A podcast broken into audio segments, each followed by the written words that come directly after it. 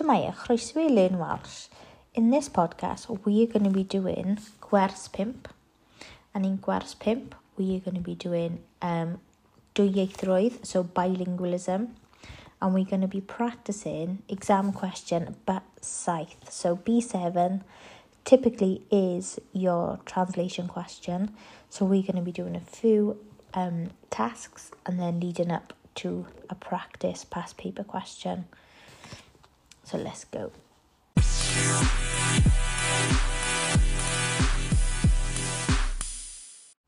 Ar dudalen 2 on page 2 then, let's have a look.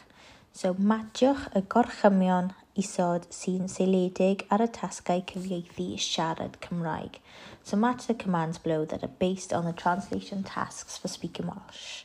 So pause the podcast and match the commands. Public.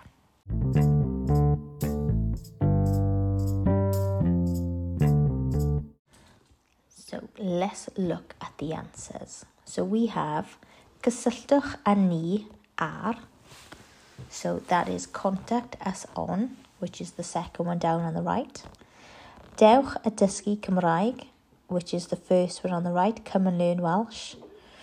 E-bostiwch am wybodaeth, so email for information, which is the bottom on the right.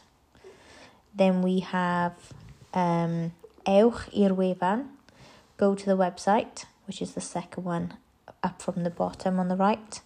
Ffoniwch y coleg ar, so phone the college on, and that's right in the middle. Rhaid siarad Cymraeg, must speak Welsh, which is the third one down from the top.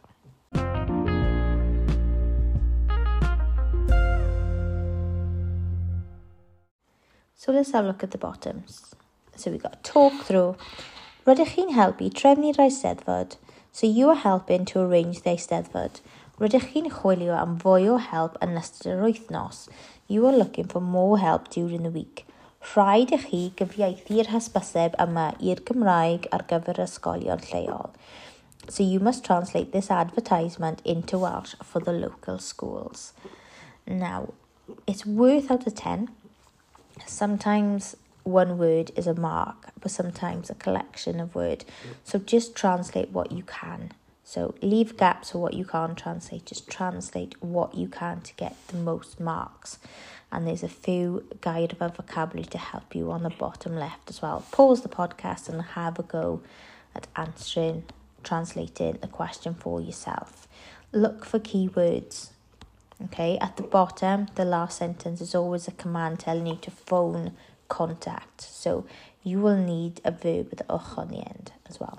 Pob look. So let's have a look at the answers.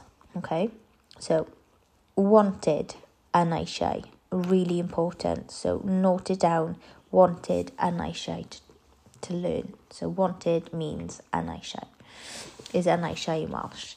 Young people, pobl ifanc. To help in, i helpu yn. The eisteddfod, yw'r eisteddfod. And then we have on Wednesday, so ar ddydd Mercher, but don't worry if you've just put dydd Mercher.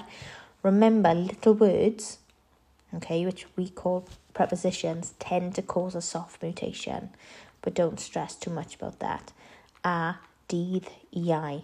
Don't forget the deed should be lowercase. Then we have 10 o'clock, dig or gloch. You can write it in digits or you can write it in Welsh. So you could either write the number 10 with the 1 and 0 or you can write dig, both are fine. Until is tan and then half plus 4 is hanner awr wedi pedwar. Must be Welsh, rhaid siarad Cymraeg, and then ffôn Cai o Helydd, so ffoniwch Cai neu Helydd. For more information am fwy o bodaeth, and then ar, and then on, and then the number you just put in digits as well.